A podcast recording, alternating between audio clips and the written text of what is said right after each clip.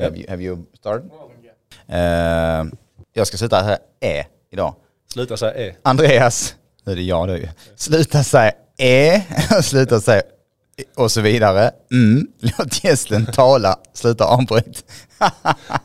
Välkomna till eh, ett nytt avsnitt av Be at your best podcast. Eh, idag har vi med oss en före detta hockeyspelare, hockeyproffs helt enkelt. Eh, Sa du E igen så du vet. jag vet. Alltså räkna det E. Räkna mina E nu. Du är skyldig 20 spänn varje E. Mm. Det kommer jag eh, faktiskt klara. Det handlar om utmaningar. Okej. Välkomna till ett nytt avsnitt av Be at your best podcast. Eh, och idag har vi med oss Idag har vi med oss eh, ett före detta eh, hockeyproffs, eh, numera tränare, entreprenör. Varit en stor del av svensk hockey genom åren. Eh, och en av anledningarna till eh, paddens eh, stora tillväxt i Sverige ska jag säga. Tillsammans med sin kära kollega Kim Olsson givetvis. Ingen mindre än Andreas Lilja. Tack. Välkommen Kingen. Tack. Eh, kul att ha dig här. Eh, vi gör väl så här, hur började din morgon idag? Du, min morgon börjar faktiskt som den brukar göra. Ja. Eh, upp vid, ja nu ska jag inte säga något för min fru kanske lyssnar men jag försöker gå upp mellan sju eller åtta och eh, gå ut och gå en timme. Och Ja. sen eh, försöka ta mig till gymmet. Det är en bra start på dagen. Och sen, eh, sen kör man därifrån. Ja, skönt. Är det en bra kick? Älskar att gå ut och gå. Mm. Framförallt när det börjar bli lite bättre väder. Nu var det halvtaskigt idag men det är, det är sjukt skönt att komma ut och röra på sig innan frukost. Komma Är- igång med kroppen. Är det för träningens skull eller är det för, för bara att du tycker det är skönt? Både och. Eh, både för träning och för eh, själen skulle jag säga. Mm. Jag tycker det är Du jätteskönt. renar själen. Ja, rena själen. Så har vi hund så det gör det lite lättare En också. hon. En hund ja. Ja. Är det en hona eller en hane? Det är en hona. Gött. Mm. Hur gammal är hon då? Hon är nio år så hon börjar bli lite äldre men hon eh, pinnar på Hon pinnar fortfarande. på ändå? Mm. Ja. Det är Hänger rätt bra ditt tempo. Lyssnar Ja, hon ligger- också på podd då när hon går Ja, bredvid? jag brukar sätta på den lurarna så får hon lyssna på Hund- hundpodd. ja, men det är bra. Det är bra, det är Kanske kattpoddar kanske Ja, det? kattpoddar. Det är en bra tid att döda poddar faktiskt. Ja, är det det? Är det någon speciell podd du lyssnar på när du... Jag lyssnar på mycket hockey. Eh, ge- faktiskt egentligen bara för att hålla mig uppdaterad. I och med att jag är fortfarande väldigt mycket inne i det så vill jag hålla mig uppdaterad. Och de har faktiskt, eh, tro det eller ej, men de har rätt mycket bra grejer att komma med. Eh, framförallt vilka som har varit bra, vad som är på gång och vilka som är på gång att bli tradade eller flyttade. Eller. Så jag lyssnar på egentligen på alla poddar, både allsvenskan, SHL och NHL och försöker nöta igenom dem. Men är det någon som är, är lite bättre än en annan? En annan? Eh, just nu gillar jag, jag gillar ju Sanny och Svensson. Ja. de Vad är det som gör den bra? Ja, de, de är väldigt kunniga. De har bra koll. Eh, Det här Mr Madhock i Malmö och Sanny Lindström som är på, vågar jag säga Viasat, jag vet inte om han är Nej. Viasat eller Simmer, det spelar ingen roll. Men han, de, de, är, de är pålästa och framförallt Mr Madhock, han, han vet saker som händer innan det har hänt. Mm. Det är helt sjukt. Ja men han vet alla som ska bli flyttade till ett nytt lag och vilka som ska. Så han är lite så här, han har lite spåkula Ja. hemma. Så han är rolig att lyssna på. Sen lyssnade jag just nu, lyssnade på Bibikarna. Mm. Bibikbröderna från Ängelholm, eh, de, de kör en podd och den är, den är bra, den är saklig också. Mm. Eh, De, de lyfter upp mycket runt omkring eh, vad som händer Mm. med träning och allting. Är det bara hockeypoddar då? Eller något annat? Eh, nej, framgångspodden lyssnar jag på. Ja, Eh, och nu ska jag definitivt, när ni nu ska börja med ljudfiler så kommer jag lyssna på den här podden. exakt. Det kan Mm. vi ju säga här. och jag kan inte faktiskt. kolla på YouTube samtidigt som Nej, jag går. För det går kan det, man ju faktiskt. Ja, jag vet, men det går åt helvete. Starta YouTube, tryck på play, lägg den i fickan. Ja, men då kanske jag missar något. Ja exakt, det kanske du missar något. Men, men, men vi, faktiskt det är kul att du tar upp det för att vi kommer ju att lansera eh, våran podd också eh, på YouTube. Ja. Eh, eller på YouTube, vi har redan den på YouTube, Ja. på Spotify bland annat. Ja. Eh, så att du kan gå och lyssna Mm. eh, när du tar din, din sköna promenad. Ja. Eh, så eh, det kommer inom kort. Skönt. Jag. Du eh, eh, Andreas, jag känner ju dig sen tidigare och många känner till dig sen tidigare. Eh, men jag tror ändå rätt många undrar hur ser din situation ut idag med var bor du, familj, Eh, vi bor i uh, Laröd i Helsingborg. Helsingborg? Ja. Eh, vi har uh, byggde hus där för 16 år sedan och vi bor eh, stadigt där fortfarande. Tror inte vi kommer flytta därifrån någonsin för nu har vi byggt om hela huset igen. Så att, eh, Känns ju dumt. ja, det känns jättebra. Det är suveränt. Man måste uppgradera sig lite. Mm. Eh, bor där med min fru och mina två barn och en hund. Eh, trivs fantastiskt. Eh, alltid trivts i Helsingborg. Jag är uppväxt i Rydebäck eh, när jag var liten. Alltså den Rydebäckaren? Ja, Rydebäck. ja. Mm. Riffare. Söderkise? Ja. så det var där faktiskt jag började min karriär, Rydebäcks IF. Alltså det var det? Mm. Jag hade en rätt rolig slogan där faktiskt. Vi gör det på is, givetvis. Riff, riff, riff. Det är som eh, påaps, alltså påapsgiff, potatisbiff, påapsgiff. Nästan lite samma kvalitet Ja. faktiskt. Så att eh, där bor vi och lever. Eh, Och sen eh, just nu, vi har ju sålt vår verksamhet till Pal United. Så att är inte verksam, är fortfarande med som eh, ägare i bolaget men är inte verksam i någonting så det är väldigt Nej. skönt. Behöver Eh, inte snickra upp en läktare på. Nej, jag behöver inte gå ner där på nätterna med Kim och eh, hålla på och göra saker för att det ska fungera. Utan, eh, och man kan vara ganska avslappnad när man spelar nu för tiden. Ja exakt. Men eh, trots allt ändå när man är där nere så tycker man ändå att man irriterar sig på saker som Nej, är fel. klart. Man, Vid sidan eh, om. Ja, ja, det är klart. Det är någonstans ert lilla barn också. Ja, så när man går när man ser någon kasta skräp på marken. eller någonting, Då, då ryker det i huvudet så ringer man Mackan, nu får du fan säga till. Det, kan, det är till och med så Mackan har börjat bry sig rätt mycket faktiskt. Vi gick förbi Centerkorten häromdagen så sa han, vad fan ser den ut? Helt jävla kladdig. Fan, de, de, de putsade i den här om dagen så måste någon... Men det är bara för att inte han sköter nu för. Det är mycket lätt att kunna peka, peka fingrar på andra. Exakt, mycket lättare att peka finger. För det var ju så förr när man var där själv så kunde man inte peka finger på någon heller. Nej, Då nej, visste man att man absolut. själv skulle Nej, göra det. Nej, så är det klart. Men Ja. det, det, det, det är viktigt att hålla sig rent och... och Absolut. fräscht. Ja men det ska ju se bra ut. Det måste det göra. Eh, och sen vid sidan om det då, eller vid sidan om, eh, jobbar jag ju som eh, assisterande förbundskapten i Danmark. Ja. I deras landslag. Så att det, Hockey. det är... Får vi hockey. tillägga. Ja, i Hockey. hockey. Ja, precis. Och det är fantastiskt roligt. Mm, det kan jag förstå. Jag jobbar ju, jag var ju tränare i två år i Kristianstad och sen ett år i Malmö. Och det blev för mycket jobb för mig. Mm. Det är, hockeytränare på SHL-nivå är 24 timmar om dygnet, Mm. 360 dagar om året. Sen är du ledig fem dagar ungefär. Eh, Och det, var, det passar inte mig riktigt. Jag har varit i den bubblan eh, så länge som hockeyspelare att man liksom lever, äter, sover hockey. Att jag kände att det, då, då tar det det roliga ur det och det tyckte jag inte var skoj alls. Nej. Så att under tiden jag var i Malmö så hoppade jag på Danmark och började jobba med dem. Och tyckte att det var fantastiskt roligt för danskar är, vi har inte det bästa lagen, eh, vi har inte de bästa förutsättningarna men vi har sjukt mycket hjärta och folk som kör så in i bomben. Eh, Och då tyckte jag att det passar mig bättre och, och vara med i landslaget för att då, då jobbar du liksom bara en veckas perioder eller två veckors perioder eller då ett VM som tar en månad, en och en halv. OS som tar en månad, en och en halv. Och då kan man ha sjukt mycket energi under den tiden. Och sen så kan man komma hem och slappna av och göra sina egna saker. Precis. Men hur ofta träffas man då? Man träffas, eh, nu har det varit lite annorlunda nu i år. Vi hade ju OS precis. Eh, annars har man ju en samling i november, en i december, en i januari och sen har du VM i maj. Så att det är ungefär, jag brukar säga att det är två och en halv, tre månader om året. Och det passar mig utmärkt. Eh, Jag tyckte inte det var roligt, eh, jag har berättat denna story några gånger, men jag tyckte inte det var roligt när jag var i Malmö och man sitter hemma med middag med familjen. Eh, familjen sitter och diskuterar någonting eh, och 14-åriga Maja säger pappa var är du någonstans? Sitter och funderar på boxplay mot eh, Djurgården. fattar. och det är inte skoj. Nej. Det ska inte vara så heller, man ska inte, det, Och det är ju någonstans ändå ditt hjärta som talar där. För det är för att du vill sitta och tänka på det här boxplayet. absolut. Det, det, du kan Absolut. inte släppa det för att du, du har så stort hjärta till sporten. Ja, för alltså, du vill ju alltid att allting du gör ska ju gå så bra som möjligt. Och sen hade vi ju, kan man väl säga, lite otur också i Malmö för att vi, vi var så sjukt dåliga ett tag. Ja men vi förlorade ju åtta i rad. Ja. Och då har du börjat, då börjar du från Nej, botten. det flyger ju tankarna till höger. Precis, och då måste du börja bygga upp ett lag igen, eh, sten för sten för sten för sten. Och allt du hittar försöka bygga på det. Framförallt stora förändringar kanske måste ske Absolut. tiden. Ja absolut, och du måste försöka liksom, okej ska jag spela den personen med den eller ska jag spela den med den eller ska vi byta system, ska vi vad som helst bara för att ändra allting. Mm. Och vi lyckades lösa det till slut men det, det tog det roliga ur det så det var, det var inte skoj. Nej. Så att, eh, Jag fattar, jag fattar. Men du, eh, om vi skruvar tillbaka bandet eh, tills när du, när du själv spelade hockey från Mm. allra första början. Eh, Du sa till mig att du, du var sju år gammal. ja, Du började i Rydebäcks, vad heter de? Rydebäcks Rydebäcks IF, RIF. IF. RIF, vad det så? Det kan Vi gör det på is, givetvis. Givetvis. Eh, men det var ju en sån här klassiker. Eh, brorsan spelade fo- hockey Ja. och fotboll och allt vad han gjorde. Eh, brorsans gamla skridskor passade mig när jag var sju, han är ju ett par år äldre. Fick ärva Eh, dem. Ja, jag fick ärva dem och började, började spela och vi var ett kompisgäng egentligen. Det fanns redan ett, eh, några som spelade som var lite år äldre. Jag tror vi hade tre årsgrupper i Rydebäck. Så vi var yngst. Mm. Och vi körde och det är föräldrar som håller i allting. Och som jag tycker hockey ska vara. Det ska vara för att det är roligt. Eh, och sen gick ju resan ifrån Rydebäck eh, och vår största nemesis var ju Helsingborgs eh, IF då, Redskins som de heter nu.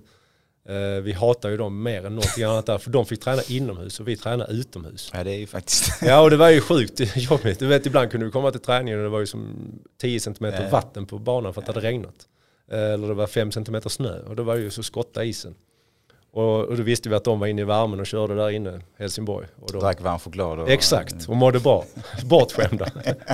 så att eh, det var där det började. Och det, sen då när, vi, när man började komma upp i åldrarna, där i 12-13, så var det liksom ganska naturligt att hi- försöka hitta någon annan eh, verksamhet där det kanske fanns tränare som var utbildade eh, och lite mer eh, satsande. Så då var vi ett gäng som åkte ner till Landskrona Mm.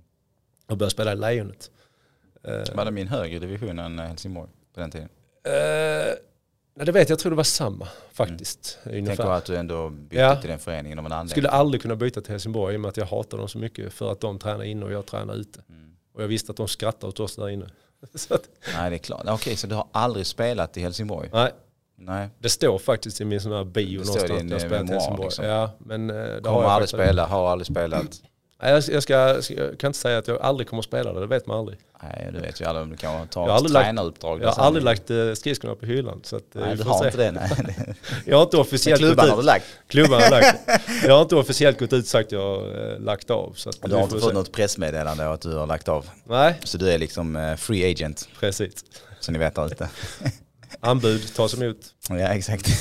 Men eh, så att eh, då flyttade vi till Landskrona och sen så var vi ett gäng som körde på där. Vi hade faktiskt ett väldigt, väldigt bra lag. Eh, så att det slutade med att när vi var 15 där ungefär, eh, 16, så började klubbar dra i spelare från Landskrona och då var det antingen Ängelholm, Rögle eller som Malmö. Mm. Och då valde jag faktiskt Malmö för att jag fick flytta dit. Mm. Jag fick flytta dit, skaffa egen lägenhet, eh, börja på gymnasiet där. Eh, så då blev det den vägen. Mm. Och då var det ett gäng som gick till Rögle och det var ganska roligt. Det var det Micke Gat och Magnus Hermansson och eh, eh, Wenström, eh, Wolle då som har varit målvaktstränare där många år och spelat. Så det var ganska många som gick ganska långt. Så att eh, det har alltid varit eh, roligt att följa dem också, hur det går för dem. Och sen så såklart när vi kom upp i åldrarna så började vi ju mötas i juniorlagen och sen började vi mötas i A-laget. Eh, när då Malmö och Rögle spelade liksom i samma serie. Eh, så att det har alltid varit en, en, en, en rolig resa. Men du har ju förflutit i Rögle också. Ja, jag spelade ju mina sista två år i Rögle. Mm. Så att eh, när, när jag flyttade hem, det var också en sån här grej när jag väl skulle flytta hem från NHL. Jag hade alltid bestämt mig för att jag ville spela något år hemma när jag flyttade hem. Eh, och då var det ju antingen då Malmö eller Rögle. Eh, jag kände att jag ville flytta hem till Helsingborg. Och då var det ju eh, nog en, mer en bekvämlighet. Eh, 20 minuter till Ängelholm eller en timme till Malmö. Men drog du med dig då eller? Så Malmö? Absolut. Mm. Absolut. För det måste ju ändå varit ett, ett, ett riktigt bra namn att få in i en trupp liksom. Man kommer från, Ja, definitivt. NHL och, och Attraktivt var det Mm. väl faktiskt. Eh, Och då låg ju både Malmö och Rögle låg i allsvenskan. Eh, Och mitt mål var ju såklart att komma hem och hjälpa ett av lagen upp ja, precis. till SHL. Eh, Och då, då föll det på Rögle för jag tyckte de hade en bra, en bra grej på gång. Bra lag, kände många som spelade redan. Så att det blev, det blev naturligt att flytta till Ängelholm, eller flytta till Helsingborg och spela i Ängelholm. Ja, vi pratade om det här tidigare, hur långt det var till, till Valhall. Mm. Det, det var ju tydligen mycket längre än vad jag trodde. Ja. Ishallen tar det, ishallen är lite kortare. från Larö till Ishallen tar det ungefär 18 minuter. Man Ja, trycker Ja, på det, lite. det, är ju, det är ju bekvämt faktiskt. Ja. Men du, eh, fortsätt där då. För, för, eh, sen flyttade du över till andra sidan Atlanten. Ja. Eh, hur gammal var du när du flyttade till USA? Jag var ju faktiskt eh, 25, så jag var ju en av de här eh, late bloomers. Late Eh, bloomers, ja. Alltså i vanliga fall blir du, det funkar så i hockeyvärlden att när du är 18 så blir du draftad. Mm. Då blir du tingad av ett lag i NHL och sen så har de dina rättigheter i tre år och får välja om du vill ta över dig. Jag vet inte exakt reglerna just nu men det brukar ändras med Mm. åren.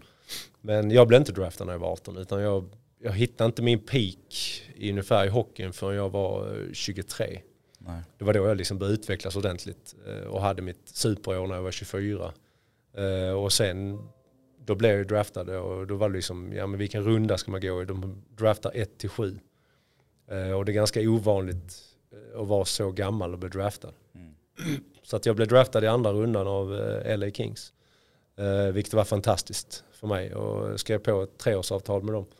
Och fick komma över och, och spela. Och hamnade, första året hamnade jag i farmarlaget. Eh, vilket jag tyckte var superroligt. En av mina roligaste säsonger hittills. Vad innebär det då när man spelar i Ja, då spelar du ju, alla, alla NHL-klubbar har ett farmarlag. Eh, Ett andra, ja, som ett B-lag i fotboll kan man säga. Och de har en egen serie och en egen division. Eh, Och där spelar ju alla extra spelare. Och där får man lära sig. För det första då är det liksom 25 spelare i varje lag som inte vill vara där. Alla vill ju upp i NHL. Eh, Det är där de roliga grejerna händer om man säger. Men man får lära sig hockeyn. Du kommer över, du får spela på en liten rink. Eh, Det smäller i varenda byte, det slogs i varenda byte för ingen ville vara där. Och det var ju som eh, sjukt hård hockey. Men jag hade sån fantastisk tur att jag fick, jag fick en supertränare, Bruce Boudreau, som har gjort en jättekarriär efter de här åren, i, som har gjort en jättekarriär i NHL. Och han absolut bara älskar mig. Jag fick spela hur mycket jag vill. Eh, han är den enda tränaren som sagt till mig att när du byter kommer du till bänken, när du ställer dig upp så spelar du igen. Du behöver inte ens titta vem som, ska, vem som är upp, utan du spelar hur mycket du vill. Så jag spelar boxplay, powerplay, fem- Ja, alltså jag spelar, jag låg ju på 30 plus minuter och det är ganska mycket i, i AHL. Men det gick också fantastiskt bra. Eh, Så att, Det är väl i och för sig en grej som jag och Vidar Jonsson typ här när vi, hade, när vi spelade in förra veckan, just det här med få förtroende från tränaren. Hur, hur det kan få en att verkligen blomma ut. ja absolut. Och, och liksom så att du har råd att misslyckas. Ja. En sån grej som man säger till dig här, du får spela hur mycket du vill oavsett vad du gör typ. Ja, Du måste ju få dig till att bara kunna slappna av på plan. absolut. Och göra precis vad du vill. Ja, liksom. och jag kände ju verkligen att ja, men det gör inget om jag gör några misstag för att jag vet om att nästa byte spelar jag ändå. Eh, Och det är ju så man vill ha det som spelare. Mm. Det finns ju inget värre än när du har en eh, bullseye på ryggen eh, av tränaren. Nej, nej, nej. När de ser allt du gör Ja, fel. ja, exakt. Lite Och- kniven mot strupen. Ja, och du får de här felen i ryggen hela tiden och då blir det, då blir det till slut jobbigt att spela hockey. Så att, eh, jag gjorde ett helt år i farmarlaget. Jag var uppkallad massa gånger. Eh, jag var liksom den som var på tur. Jag åkte, för det är ju så när du samlas i NHL så samlas du, du är 75 man som samlas på en camp. Och du ska ha 22. Så att en efter en faller jag av och jag var, det, jag var den 23 spelaren. Så jag åkte av sist och kom ner. Eh, bara för att de kände att du behöver lära dig att spela i USA. Eh, och det var jättepositivt för mig. Ja för lite så är det väl också. Jag menar svensk hockey eh, skiljer väl sig lite från, från amerikansk hockey och kanadensisk hockey för den delen också. Eh, som du säger, man, man ska lära sig deras kultur och, och så vidare. Hur de, det är Framförallt, väl lite tuffare eller? Absolut är det mycket tuffare. Eh, och framförallt på den tiden. Eh, det fanns ju inga regler egentligen. Det var ju överfall som var utvisning. Annars så fanns det ju liksom inga regler. Eh, klubban var ett vapen liksom. Eh, ja tyvärr var det så. ja, man väljer vilket vapen det var. Man. Ja precis. Och då ska man ändå veta att eh, fem, sex, sju år innan jag kom över, då var det ju ännu värre. Alltså att de här spelarna överhuvudtaget kunde göra mål på den tiden, jag fattar ju inte Nej. det. Men sådana här som Gretzky till exempel, han la av eh, året jag flyttade över. Ja. Då la han av, men att han kunde göra så mycket poäng. Men, för, men var det inte lite så med Gretzky och de andra stjärnorna liksom att du rörde inte riktigt om på samma sätt eller? Det var Ja, en det- liten hederskod eller? Ja det är en lite, eh, Eller är det en skröna? ja det är en, det är en myt faktiskt. Det är en Eh, myt. det är ju som folk säger om Lidström till exempel, eh, Mm. som jag spelade i fem år med i Detroit. Alla säger, ja, men ville man verkligen skada Lidström? Alltså, Han är ju den som får oss andra att tjäna pengar för att han bygger upp ligan. Mm. Och det var ju samma med Gretzky och Lemieux och de här när de kom över, eller när de var där borta. Att det var ju de som såg till så att de andra spelarna tjänade pengar. För att de var så jävla bra och alla ville betala pengar för att titta på dem. Men det gick inte att få tag i de här spelarna. Så att det fanns ju folk som, alltså alla ville ju köra över Gretzky. Mm. Alla ville köra över Lidström. Men jag spelade man i fem år, han blev aldrig tacklad. För att han var så mycket bättre än alla andra. För att han kunde flytta sig när det kom någon. Och Gretzky var samma sak. Men då måste du då måste du ha ögon i nacken ju. Ja, och det har de. Eh, Det är det som man blir så imponerad av. Eh, Som jag sa, eh, vi har spelat, jag fick förmånen att spela backpar med Lidström en hel säsong. Mm. Vid mitt första år i Detroit. Han gjorde inte ett enda misstag.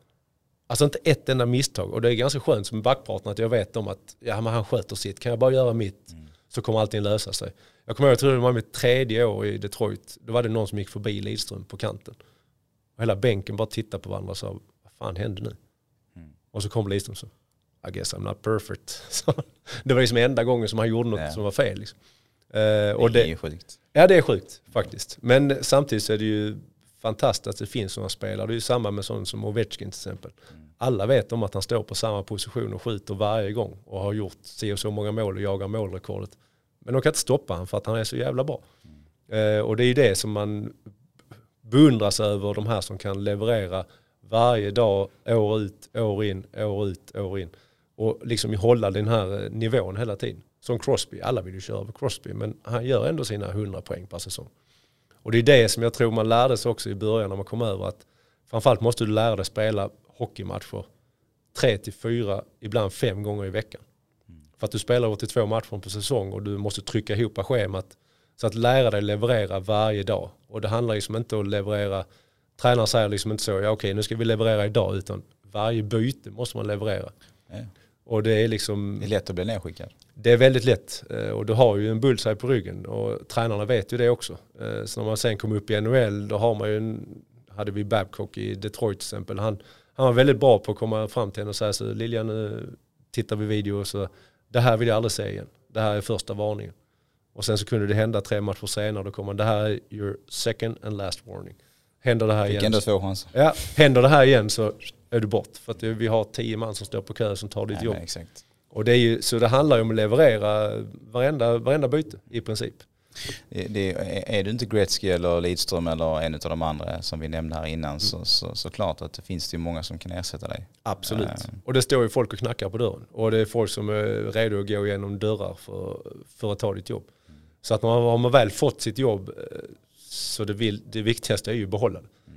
Och det, det, är ju det som är det svåra. Och det är därför också man förundras över sådana som Lidström och sådana som spelar 20 år i ligan. Det, det, är lång tid. Jag tycker det är väldigt, väldigt sjukt också på grund av att det är en så tuff sport som det är med alla skaderisker och så vidare. Hur klarar man av att spela så mycket? Kroppen måste ju vila. Ja. Hur mycket eh, fuskar man? Eh, fuskar gör man inte men eh, sen är det väldigt olika från lag till lag hur pass skadad du får vara och spela. Eh, Detroit hade en eh, regel på att eh, kan du inte spela utan sprutor så får du inte lov att spela om det inte är slutspel. Okay. Slutspel finns det inga regler. Där är det liksom bara att köra. Nej, det, det, det, är bara... Du får vila efter du åker Exakt. ut i så fall. Eller Precis. Så att, och vissa andra lag spelar i Florida och i Anaheim till exempel, där fanns det inga regler på det för att de målet var ju som inte att målet var att ta sig igenom säsongen. Detroit hade en annan målsättning. Målet var att vinna Stanley Cup. Ja, så att då var det viktigare att man skulle vara frisk när det var slutspel. För att de visste ofta att vi skulle gå till slutspel. Eh, Anaheim då till exempel och eh, Florida, vi jagar ju slutspel hela tiden. Så att varje match var ju som en slutspelsmatch. Så att whatever it takes. Eh, in med sprutor och kör bara och så får vi ta hand om det efter säsongen. Det, är ju... Eh, det jag menar med fusk egentligen det är ju sprutor. Sen kanske ja. det är legaliserat just i, USA och så här, men det är inte så vanligt kanske i Sverige på samma Nej. sätt. Och framförallt inte i många andra sporter. Nej. Uh.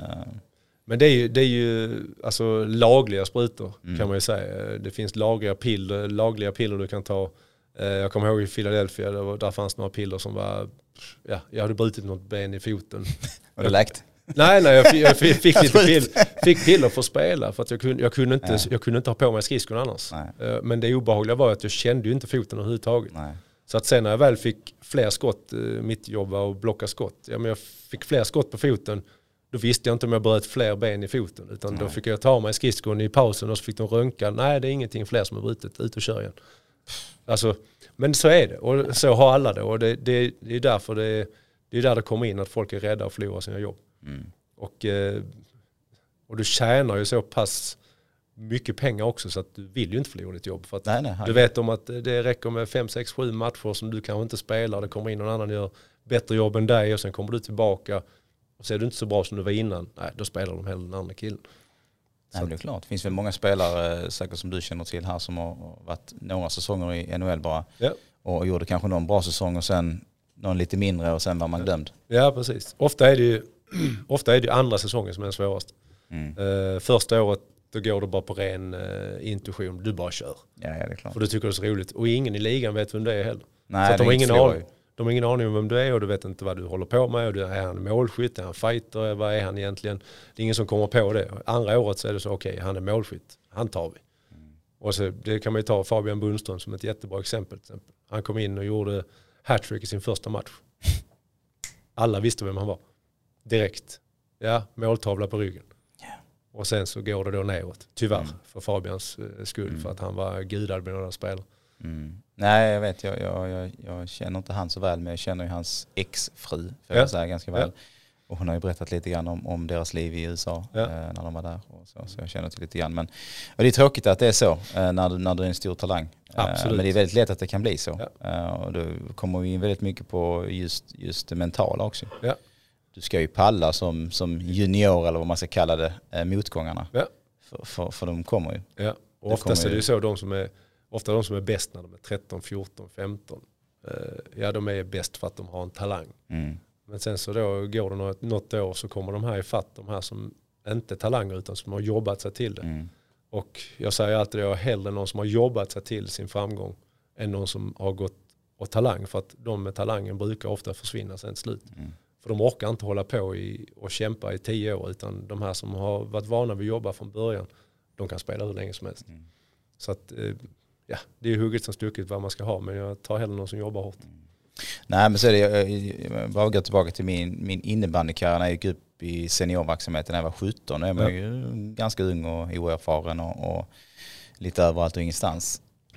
För mig så uh, kände jag ju att det var, det var väldigt liksom, det var svårt att och, och, och känna den här tryggheten som jag kände som junior. Att jag, som vi pratade om innan, att ja. du, har, du får liksom möjligheten att misslyckas och hur många gånger du vill egentligen. Din tränare kommer ändå kasta in dig i powerplay. Ja. Och, boxplay och alla möjliga formationer. Uh, här var det så, nej, du är inte ens där från början. Nej. Och du måste överprestera för att du ska hamna där. Ja, ja precis.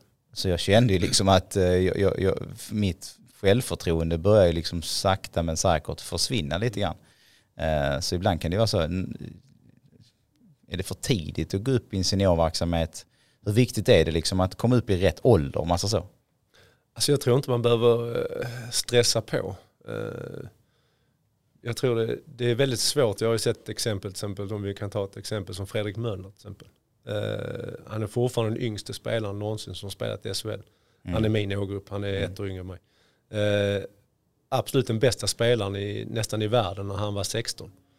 Men när han var 16 så spelade han i A-laget, J20, J18 och U16. Så att vad som hände då är att han tränar ju aldrig. Utan han bara spelar matcher. Ja. Och Sen då när de andra som tränar hela tiden kommer i fatt. Då helt plötsligt ska han börja träna när de andra har kommit i fatt. Mm. Då är det för sent redan. Mm. Uh, och det, det, man måste vara jävligt försiktig för att föräldrar och agenter, och, ja, vissa agenter är bra på det, men mycket föräldrar som trycker in sina unga, ja, men de vill att de ska spela med den högsta gruppen, men det är bättre att vara, det är bättre att vara bra i sin åldersgrupp, eller bäst i sin åldersgrupp och köra på där än att komma upp kanske i två åldersgrupper högre och inte kunna prestera. Mm. För det, det är precis som det tär ju på självförtroendet. För att du kommer upp och du är van vid att kunna göra saker men du klarar inte av det på, i den åldersgruppen och då börjar du helt plötsligt bli sämre. Och sen helt plötsligt när du kommer ner så ska du helt plötsligt vara bäst igen. Men det är jävligt svårt att kunna liksom ladda om och bli bäst igen i sin egen åldersgrupp för att du, du tycker fortfarande att du tillhör de som är där uppe. Mm. Så att, eh, jag, man ska vara försiktig med det. Eh, jag tycker att jag tycker generellt över hockeyn så satsas det alldeles för tidigt med allt. För det känns ju, hockeyn är ju, är ju som innebandy där också. Jag menar, man är ju, när man är 17 är man inte färdigväxt oftast. Man, man, har ju inte byggt på sig de musklerna som man kanske kommer att göra senare i karriären. Nej. Så det rent fysiska också så känner man ju, okej okay, man är kanske väldigt snabb. För det kan man ju vara även som junior givetvis. Men jag kände ju att här är folk som är typ lika snabba som mig. Här är folk som är betydligt starkare än mig. Så jag fick ju liksom inte briljera så som jag fick göra rent. Nej. Mina styrkor kom inte fram på samma sätt. Uh, och så så det, det, kan ju vara och då, bra. Och då blir det ju problem med självförtroendet. Ja det är klart. Ja. Det är klart. Så då är det ju viktigt att framförallt ha en tränare som kanske någonstans ser det på rätt sätt. Att, att uh, jag vet inte, men det, det, kan ju vara ett speciellt sätt att ta hand om just junior i seniorverksamhet. Ja. Men jag tror det är viktigt att, tränaren, att tränarna framförallt, eh, oftast är det så när du kommer upp som junior, så, i alla fall på min tid, så ingen pratar ju med dig. Alltså det är ingen nej, som säger något. Nej. Inga tränare som säger något, inga spelare som säger något. Du måste bara anpassa dig själv. In och kör bara. Mm. Och, och, så här spelar vi och så här ska vi göra. Men det viktiga tror jag då är att tränaren liksom pratar med sina spelare som kommer upp. Till exempel om du då kommer upp eh, till A-lagsverksamhet. Okej okay, eh, Andreas, här har vi Du ska komma upp, jag vill att du fortsätter försöka göra dina saker. Du kommer inte få spela lika mycket som du gjort innan. Jag vill att du fortsätter försöka göra dina styrkor, jobba på dem. Eh, sen kommer du inte spela alla matcher kanske, men se inte det som något negativt utan för vi har fyra andra som är lika bra som du är egentligen. Mm. Men kan du utvecklas så kommer du ta deras platser. Men bry dig inte om om du gör några misstag utan bara spela och njut, ha roligt så kommer det komma av sig själv. Mm. Och hade du fått en sån boost av en tränare när du var 17 så hade du säkert känt så. Ja men det gör ingenting. Det är okej. Okay. Men när du väl kommer, om du då kommer upp istället och så är ingen som pratar någonting och så går det dåligt. Ja då blir du sämre. Men du som, är, du som är tränare idag där ute, ja. hur är kulturen där? För jag, med, jag vet ju själv när jag gick upp, och det är många år sedan nu, det är, det är, ju, det är 20 år sedan jag gick ja. upp i seniorverksamhet. Det var ju som du säger, det var väldigt frostigt. Det var ju ja. så här, folk började nästan vuxenmobba dig direkt liksom. Ja. Du kom in och var tvungen att spetsa ja, armbågarna. Jag kommer ihåg, det var ju rapp i käften ja. eh, som fan och har alltid varit. Och det tog ju mig lite grann snabbare in i gänget. Ja, ja. Men det var ju inte alla som var det. Eh, och, och, du fick ju mycket skit också. Du fick ju hämta vatten till folk och du fick städa undan och du fick göra det, allt, allt skitjobb. Ja, och det hör ju till, absolut. Och, och, så, är den kulturen fortfarande där eller har man liksom, som vi, som, vi, pratar om nu, för jag menar det, det stärkte ju inte mitt självförtroende, min känsla av att gå till träningarna och spela i seniorverksamheten eh, när, när folk kastar skit på dig hela tiden och, och knappt såg dig. Nej.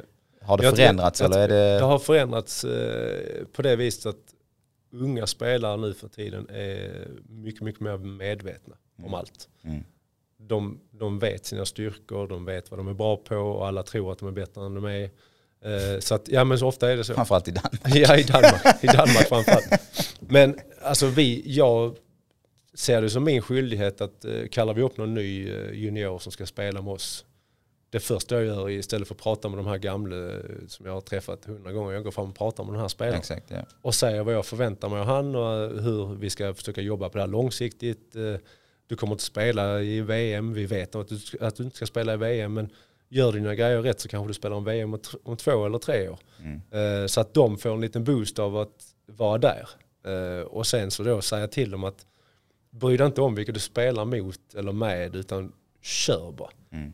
För att de äldre spelarna respekterar dig om du kör. Eh, och det, det, är så man, det är så man kommer in i en grupp tycker jag. att okay, men Våga göra en dragning, eh, blocka skott, eh, ta en fight om du behöver det. Mm. Eh, så, att man liksom, så att du har någon väg in hos de äldre spelarna. Och då, när jag kom upp i Malmö till exempel, det laget som var där, det var ju, det var ju landslaget som var där. Alltså du vet, du hade ju Näslund, Sundström, Pekka Lindmark, eh, Lust, Selle, Hasselblad. Alla, det är ju bara en massa storstjärnor. Alla som var bäst i, i Sverige i princip spelade i Malmö. Mm. Och de var så inkörda och inrutade i sitt att du var, precis som du säger, du var tvungen att vässa armbågarna. Det första jag gjorde, första träningen jag var där, det var att utmana Petter Hasselblad som är 2,05 och, och störst i laget. Alltså då var, jag, då var jag 18. Alltså jag utmanade honom på en träning. Och ja, det blev ingen fight men alla bara, ja okej, okay, men fan han är nog här för att försöka ta en plats. Mm. För att jag tog inte skit från någon. Nej. Och jag körde och det, både bra och dåligt kanske, men det gäller ju att ha lite, man får ha lite rygg på, eller lite hår på ryggen för liksom att komma upp i ett A-lag och köra. Mm. Såklart. Men jag tror nu för tiden har de det, de har det lite lättare nu. Det är ingenting sånt här längre att bära väskor och äh, hämta vatten. och, ja, faktiskt. det ja, var ju någonstans ändå en, en Det tappades en någonstans eh, för tio år sedan. Mm. Alltså nu, och nu de här unga spelarna som kommer nu, de här, de är ju, de är ju fostrade i hockey sedan de är 12. De som är nu 18-19. De, de, har ju varit hockeyspelare sedan de var 12. För de har föräldrar som jagar dem, de har agenter som jagar dem, de har liksom en fyscoach, de har en matcoach, de har en skridskocoach vid sidan om, de har en skillscoach vid sidan om. Alltså de är ju liksom fostrade för att bli hockeyspelare. Är det eh, bortskämda? väldigt bortskämda skulle jag säga. Eh, och sen tyvärr då som, ursäkta, eh, som jag har pratat om i, i en del andra poddar också att det är för tidigt att satsa när man är 10, 11, 12. och framförallt, framförallt då för det första för att det är liksom bara 0,1% som kan försörja sig på idrotten. Det är 0,02% som kan spela i NHL av alla hockeyspelare i hela världen. Så att att kunna bli någonting är ju jättesvårt. Eh, och samtidigt som jag säger det så tycker jag det är lite obehagligt att, eh, då, att man får välja hockey när man är 12 år. Alltså varför ska du inte spela fotboll på sommaren? Varför skulle du inte kunna spela basket vid sidan om eller handboll vid sidan om så att du utvecklar en spelförståelse. Mm. Eh, och samtidigt så kanske när du är 16 så kanske ja, men det visar sig att den här killen kanske är bättre i fotboll. Mm. Men har han satsat på hockey sedan han var 12, ja då kommer vi, då kommer vi bli av med den fotbollsspelaren. Mm. Så att jag tror någonstans måste man liksom kunna hjälpas åt och hitta folk som kan bli bra i idrotter. För att en fotbollsspelare eh, som är jätte, jätteduktig när han är 12, som är jätte, jätteduktig i hockey, de är liksom bra på alla idrotter. Oftast. Oftast. Alltså, mm. Oftast är det ju så med de här, nu de här som kommer upp, de här eh, hockeyspelarna som kommer upp som är 18-19 nu, de kan ju inte trixa till tre med en fotboll. Alltså de kan inte det. Nej. Alltså det är helt sjukt. Den där dåliga uppvärmningen inför Ja match, precis, exakt. Ja, det blir liksom, det blir, på något sätt blir du instoppad i ett fack. Och, och, det är så, som jag säger igen, det är så lite folk som blir bra i sin mm. idrott och kunna försörja sig på det. Så man måste ju kunna ha en annan plan. Och, och än en gång, skolan är viktig. Men folk, föräldrar skiter ju i skolan för att han ska gå på skillscoach och han ska gå på skridskocoach och han ska och de tror att det ska lösa sig och alla ser ju det som sin ticket ut. Alltså istället för att säga till okej, okay, vad vill mitt barn göra? Alltså, Precis, och det är ju så liten procent fortfarande som ja. du säger som, som verkligen lyckas. Så därför handlar det handlar om roligt att göra massa sporter. Mm. Eh, alla som har blivit bra eh, för, som var bra när jag spelade i NHL, om man säger de här som Foppa, Sundin, eh, Näslund, alla de här. De har ju gjort alla idrotter som fanns. Inte satsade de på hockey när de var 12. Alltså, det fanns inte en chans. Nej, och jag minns ju själv när jag var 12-13, jag fick ju välja lite, eller välja kanske inte hade behövt göra redan då, men jag valde väl innebandy för jag tyckte den var roligare ja. än fotbollen. Eh, då spelade jag i HIF och det var ju satsning redan när man var 13-14 i HIF.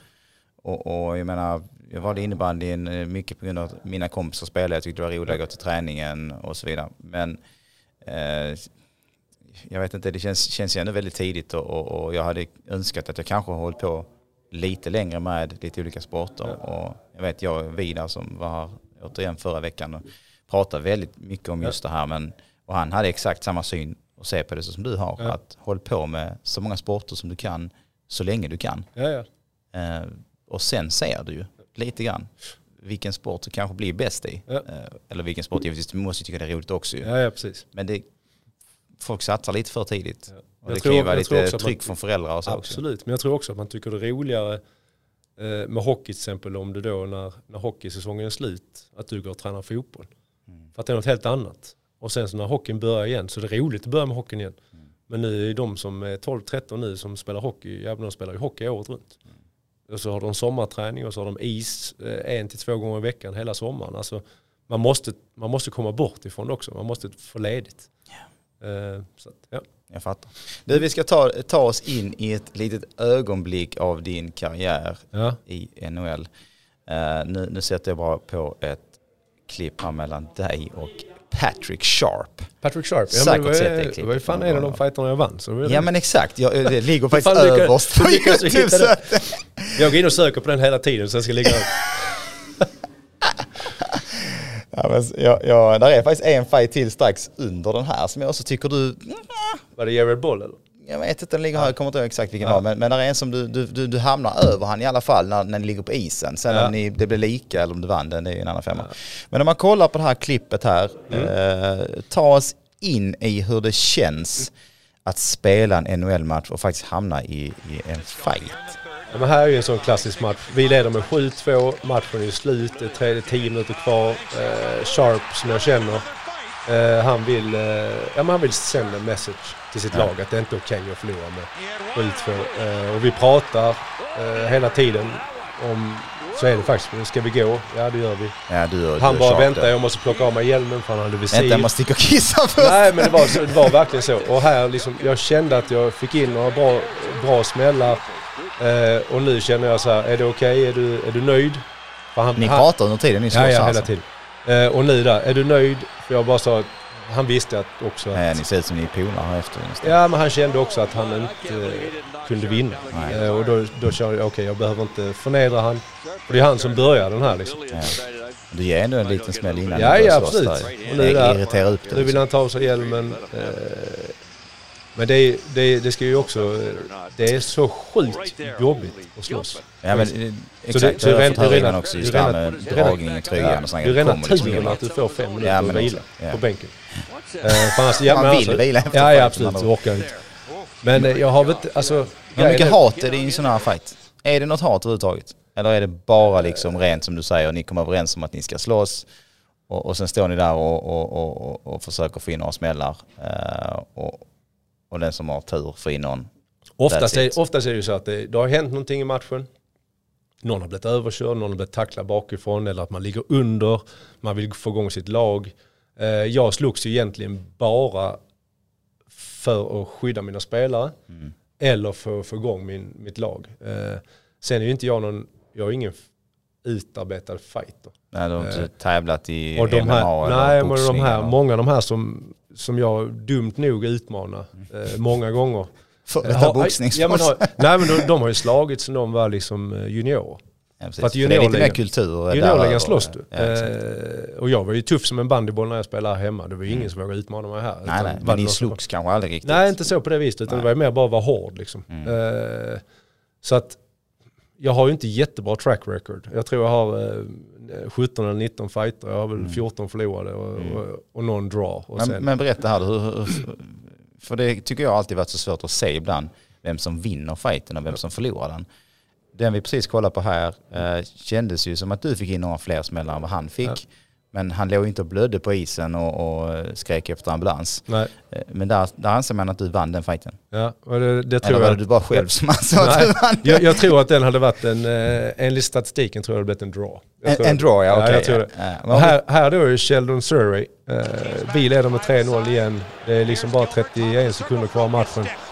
Och han börjar kivas. Eh, jag har otur, jag tappar faktiskt balansen i den här fighten också.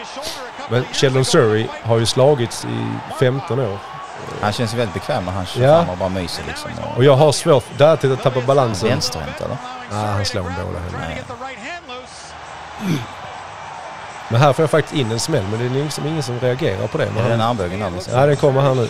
Där. Där, ja. Den såg jag. Ja, men här landar du på han, det Ja, det ja. jag pratar om. Ja men den tycker jag att jag vann. Men så tycker då någon annan att eh, Ja, han för det vann. här kändes ju för, för mig i alla fall som en draw. Ja. Även om du landar på han här i sista skedet så kändes det som att, Men han- som att det ja. var väldigt Men det, alltså det, är, det, är ju, det är ju roligt och sen är det ju alltid, om det inte är slutspel och det är något speciellt så är du alltid kompisar efter. Alltså, för det Det är också så.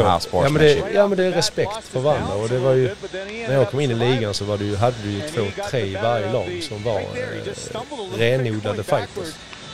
Och det, det finns ju inte. Är det du här? Eh, ja, det var ju Kåberg. Det var när vi var lockouten eh, i Sverige. Det är ju också otur för att här utmanar han och åker ut i mittzon. Att de inte får med första för jag knäcker näsan på honom den första smällen. här, jag har ingen klubba. Nu, nu tar jag är Där är jag. Där nu kommer vi ut och utmanar. Och nu blir ju... Ja, nu Och där blir ju annan. fighters. Och det roliga är att Sheldon Surrey är med i den här matchen också. Jaså? Och Shara. Ja, och Shara nu... Nu har jag redan sänkt honom och det är ingen som har någon bra bild på det. Eller... Är det ni två där? Ja. Så jag knäckte, jag knäckte faktiskt hans näsa. Och jag, jag tyckte det var bra han att ställa upp för Kåberg har jag aldrig slagits heller. Nej. Och detta var ju ganska lätt för mig. Jag hade ju spelat eh, fyra år i NHL innan dessa. Så jag hade ju, ja, där är du? Där han är. ja. Så att sen efter här i... eh, Han bröt näsan här. Ja, efter i eh, gången där borta så gick jag faktiskt ut och tackade honom. Och sa det var fan stort att jag ställde upp. Så att nu, nu pratar vi Det är ju skön jävla kultur Ja men så kring det. Och jag känner ju han nu också. Ja. Alltså så, jag brukar håna han också för att, vad som har hänt. Jag fattar. Men det, det, är- det, är- det är lite det som är, många kanske inte vet riktigt. eh, Just det här med fighterna. Eh, Att, att det ändå sker lite så som det gör och att Ja. man är polare efter. Och, Men oftast kunde det vara till exempel du stod på en teckning. Ja. Och så tittar, de på, tittar du på den andra och så säger du okej ska vi gå? ja, men så, det har man ju hört några Ja, gånger. ja det gör vi. Okej vi går. Och så, och så square off. Och då är det ju Men vad säger, vad säger tränaren om det då? ingenting. Men sen är det ju också så att eh, tränarna innan när vi hade renodlade fighters i NHL så sa ju tränarna till du De Nu- startade fighterna. nu får du gå in och ta han Mm. för att nu behöver vi väcka laget. Mm. Men jag har ju en sjukt rolig story när eh, Ty Domi vet väl de flesta eh, Mm. Mm. vem han men är. han fightades väl väldigt mycket. Ja, det var nästan det han gjorde. Mm, Han var ju, han var ju Mats Sundins eh, skyddsängel i, eh, i Toronto i, Mm. eh, i 18 år. Men kom han då från en före detta karriär inom någon, någon fighting eller nej, men han, han tränar boxning på sommaren. Gjorde han. Ja. Han är ju också, han är väl, jag tror att han var lite indian. Så att han, hans, hans hud, alla som slogs mot han sa Han att hatade amerikanerna generellt. Nej, men det gick inte, det gick inte, gick inte att slå hål på hans hud. Alltså det var som att slå i en lädersäck, sa alla när de Åh, slog. fan. Ja. Och han har ju slagits mot alla som är bäst och han är ju inte speciellt lång. Nej, nej, nej. Han är, Han är kort och så har han riktig slägga, lite som Tyson, en bra vänster. Eh, Men vi spelade i, när jag spelade i Florida så mötte vi eh, Toronto hemma. Matchen, vi leder med 5-1. Det är väl 2.20 kvar av matchen ungefär. Eh, Pucken dumpas ner i min hörna och när jag är på väg ner till hörnet så hör jag han kommer bakom mig. Då tänker jag okej, nu, han, han kommer ju köra ihjäl mig i hörnet. Fuck, jag är död. Ja men så är det. Han vill göra det för att han också, han, är ju, han mår ju dåligt för att de ligger under med 5-1. Mm, ja, jag fattar. Och eh, när jag kommer till mållinjen, förlängda mållinjen, så istället för att åka in i sargen och ta smällen så vänder jag mig om och så kör jag klubban mellan benen på honom och så twistar jag klubban. Och Taidomi kommer ju i 190 och flyger in i sargen. Jag har aldrig sett någon person resa sig så fort, slänga handskarna och börja jaga efter mig. Och jag har aldrig åkt så fort baklänges. Så han åker efter mig och bara I'm gonna fucking kill you. I'm gonna kill you. Och jag bara backar, backar, backar, backar, backar. Och till slut kom domaren emellan då. Och Domarna vet, domarna vet ju att, okej de vet vem jag är, de vet vem Taidomi är. Jag ska inte slåss med Taidomi. Eh, så att de kommer emellan och han bara skriker you fucking Swede, I'm gonna fucking kill you. Eh, och då är det ungefär 2.15 kvar av matchen. Eh, så kommer huvuddomaren fram till mig så han bara säger I'm gonna do you a favor. Så jag bara, what do you mean? I'm gonna give you both 2 plus 10. För att annars är det ju så, hade du fått två minuter så hade vi ju kommit ut på isen igen när det var 15 sekunder kvar. precis. Och då vet, då vet han vad som ska hända. För att Taidom, han har aldrig sett Taidomi så rasande. Eh, han var ju uppe i limningen. Så att eh, vi fick båda 2 plus 10, vi åkte av isen. Och han skriker bara You fucking Swede, I'm gonna kill you. I'm gonna, the parking lot! I'm gonna fucking kill you. Ja, så åker han av och så är liksom eh, bänkarna här och sen liksom omklädningsrummet bakom. Då Taidomi springer in i sitt omklädningsrum och springer över, på väg över i vårt omklädningsrum. För jag är på väg in i vårt omklädningsrum. Och då är det 20 meter betong som räddar mig. Och då står han, han står där och skriker och bara You, you will see next game I play I'm gonna kill you. Och detta var slutet på säsongen. Eh, och materialaren kom in till mig och bara Hör du Taidomi? Ja jag hör han så. och sen då hör till saken att vi, mötte ju, vi möter Toronto igen om tre dagar. I Ja. Toronto. Så att som vanligt då, det är ju det är högt tak bland spelare. Alla var på mig. Du vet om att du kommer dö när vi möter Toronto. Ja, det är klart. Ja, du, det är inte så att du har lite ont i ljumsken, du kanske inte ska spela och sådär. Och till och med tränaren, liksom, eh, Mike Keenan hade vi då. I guess you're gonna have to take that fight, just so you know. But just whatever, you, du whatever you do. Skala jag, mellan ett jag och var aldrig rädd. Jag har aldrig, jag har aldrig varit rädd för att vara på isen. Alltså, Du det värsta, värsta som kan hända är att jag blir nedslagen. Eller så får man köra Ja. eh, klassiska sköldpaddan. Ta fighten, läggas ner, jag skyddar sig. Hur snabbt kan man kasta sig på isen innan man är ute? Ja, precis. och då hör det till då, ja, och så åker vi till Toronto. Toronto hade en match emellan. Ja. Eh, Vi hade ingen match emellan. Vi åker till Toronto och på morgonen, man åker alltid ut och har man morgonvärmning i Toronto. Eh, kommer ut, sätter mig på bänken, eh, ismaskinen är ute och kör. Taidomi är ute och kör på isen. Och så alla bara, där är han, nu. Så åker han fram till bänken, så hänger han sig över bänken så så säger han så här, Kid, today is your lucky day. Så jag bara, what do you mean? I'm suspended. Så. Knöt näven i Jag fickan. bara, yes. Så jag bara, okej. så det var ju, no. så det var ju, det var, han, han hade ju verkligen liksom tänkt på att han skulle ta mig. Men då hade han, då hade han gjort någonting i matchen innan. Aha. Så att då hade han blivit avstängd. Så att han kunde inte spela den matchen. Och det var ju liksom, och säsongen var slut sen. Ja, precis. Det rann ut i sanden. Och jag har, jag har träffat honom massa gånger efteråt. Och han, han, han har ju sagt till mig också, bara så du vet, jag hade slått ihjäl dig om jag hade kommit ut på isen. Så att det, tackar man ju lite att han eh, gjorde något dumt matchen innan. Men, men någonstans är det så här, man måste ju ändå känna sig lite skyddad när du är i en fight av att, jag menar han kan få in ett par slag och sen kan du ju någonstans låtsas som att du ger upp och kastar dig ner. Sen kommer ju domarna, eller Ja. Men det gör, ja domarna brukar komma när man sätter ner ett knä. Eller att Ja. någonting. För att, och, Så du kan och, ju inte, inte bli ihjälslagen. Nej, och också är det ju kutym bland fighters att är det någon som ramlar ner så du inte fortsätt, fortsätter du inte skridskorna slå. ut han liksom. Nej, alltså det finns några idioter som har gjort saker ja, såklart. Men klart. det var förr i tiden. Eh, men man kan ju bli, jag blev ju till exempel själv eh, när jag slogs mot uh, Shea Weber i, i Nashville. Då Ja. blev jag ju knockad två gånger i samma fight. Okej. För att han knockade mig, jag ramlade ner och så ville jag resa mig upp igen för jag ville fortsätta slåss. Ja, Adrenalin ja. och pumpa ju. Men då fick jag en smäll till. Eh, och det gjorde ju så att jag fick hjärnskakning och var ute ett helt år. Så att Oj. det kan ju bli fel också. På det Ja, viset. Ja, precis. Det, det vill man ju absolut inte bli. Nej, det, det är lite tråkigt. Men eh, du, om vi ändå pratar fights. Ja. eh, Det var ju en, en, en, en fight som blev väldigt, eller fight och fight kanske inte det var visserligen, men det var en beach slap Ja. som, som Will Smith utförde på Chris Rock här Ja. för en dryg vecka sedan. Ja. Vad tycker du om den? Vad tycker du om situationen och vad tycker du Ja, om situationen, för det första så är, ligger det gammalt groll eh, emellan dem. Eh, De har inte gillat varandra på de sista två åren verkar det som. Eh, enligt vad man kan läsa i media. Eh, sen är det ju väldigt, väldigt osmakligt tycker jag av Chris Rock och, eh, att göra narr av hans fru när hon har en sjukdom.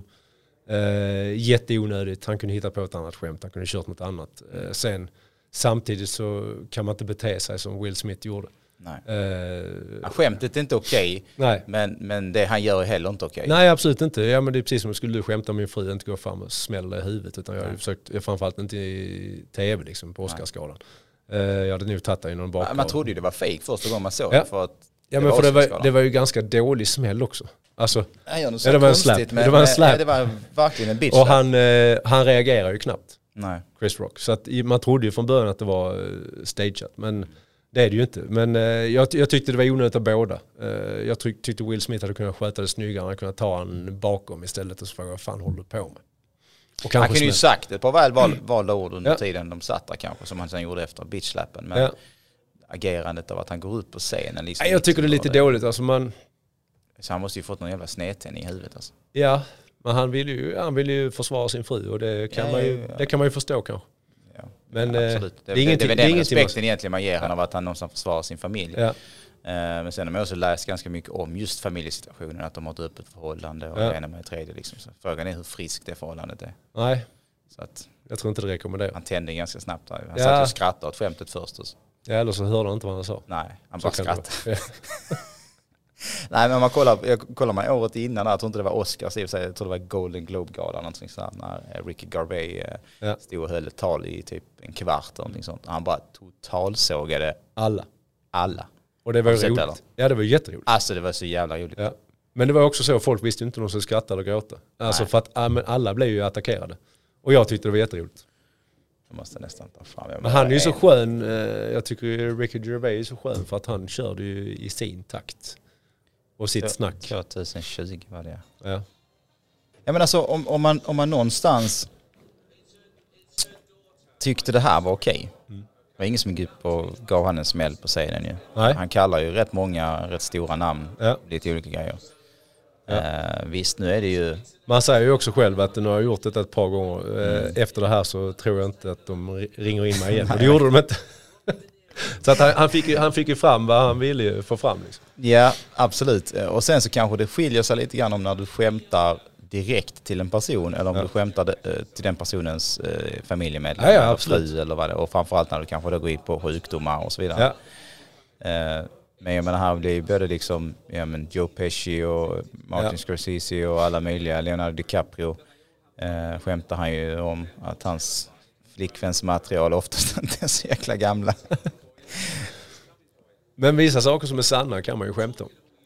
Ja, och man Alltså- måste, någonstans måste man ju ta, ta detta också. För menar, skulle man ta bort alla comedians fr från eh, den här typen av Ja, så eh, event väldigt, väldigt, liksom, väldigt så tråkigt. blir det ju sjukt Ja, tråkiga absolut, event. jag håller med. Eh, I don't care, I don't care. Ah, ah, Den här, han är ju störtskön Ja, ja. Alltså. Men han är ju bra. Alltså, Men sen, han, alltså, så har han en bira med sig på scen liksom Ja. och bara... Ja. Han går ju till och med in på eh, pedofili och lite grejer. Han var, Ibland man kollar på, jag kollade på den häromdagen faktiskt bara för att den kom upp när, jag, när Will Smith-grejen kom upp. Så ser man på der, deras miner där, vet de här kändisarna, att de skrattar ju någonstans men vissa, Tom Hanks här exempelvis, Ja. precis han, jag tror, han jag tror visar ju ibland, knappt, alltså han är chockad men jag samtidigt tror ibland han, också att de inte riktigt vet eller hör vad som, vad som sägs. Alltså, Nej. förstår du? Nej men man, man, det är som man, ibland när man skrattar för att någon annan skrattar. Ja, ja precis. Eh, det, Och så till eh, slut fattar man att det är om mig själv.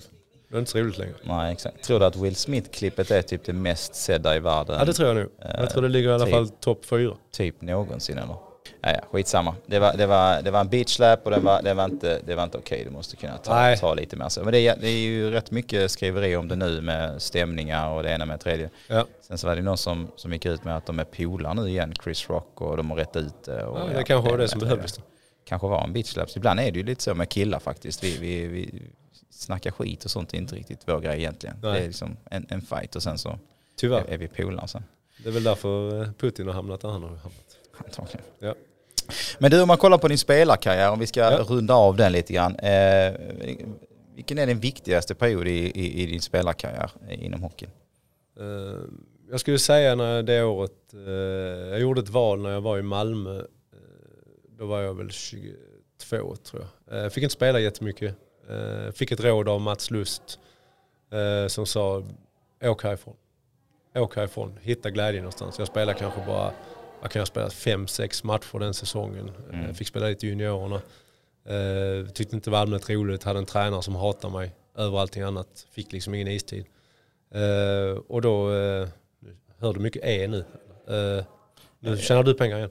Ja, och du, du har hört så lite E jag har haft. Den här. Jag har hört det faktiskt. Jag utvecklas. Ja, det är bra.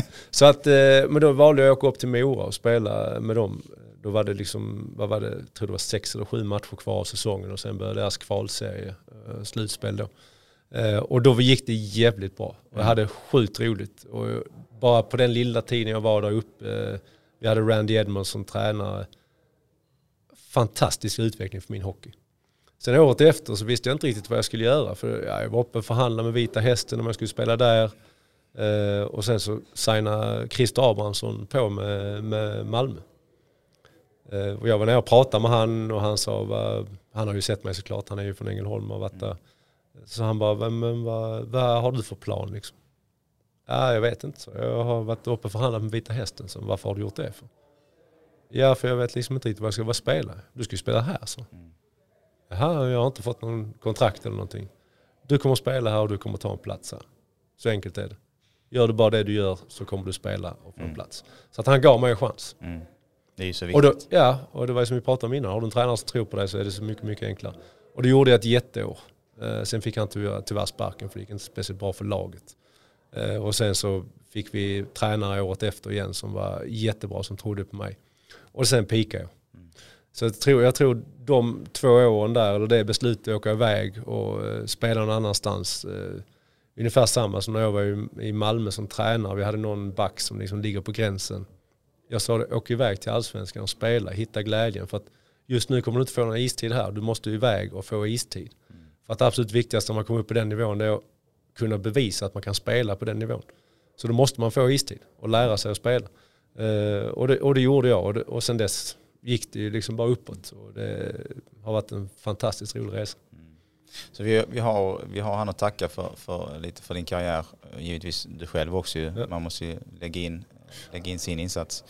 Men, men oftast har ju många idrottare och någon typ av tränare ja. eller någon situation som, som förändrar allt egentligen. Absolut. Eh, och där har vi han att tacka ja. eh, för mycket. Du, eh, jag tänkte jag skulle ta en liten pisspaus bara mm. lite snabbt. Gör du jag, Den där kaffen har runnit igenom. och sen så går vi in på lite paddel. Absolut. Och, och, och, och fokusera lite mer på det. Mm. Släpper vi hockeyn lite grann. Perfekt.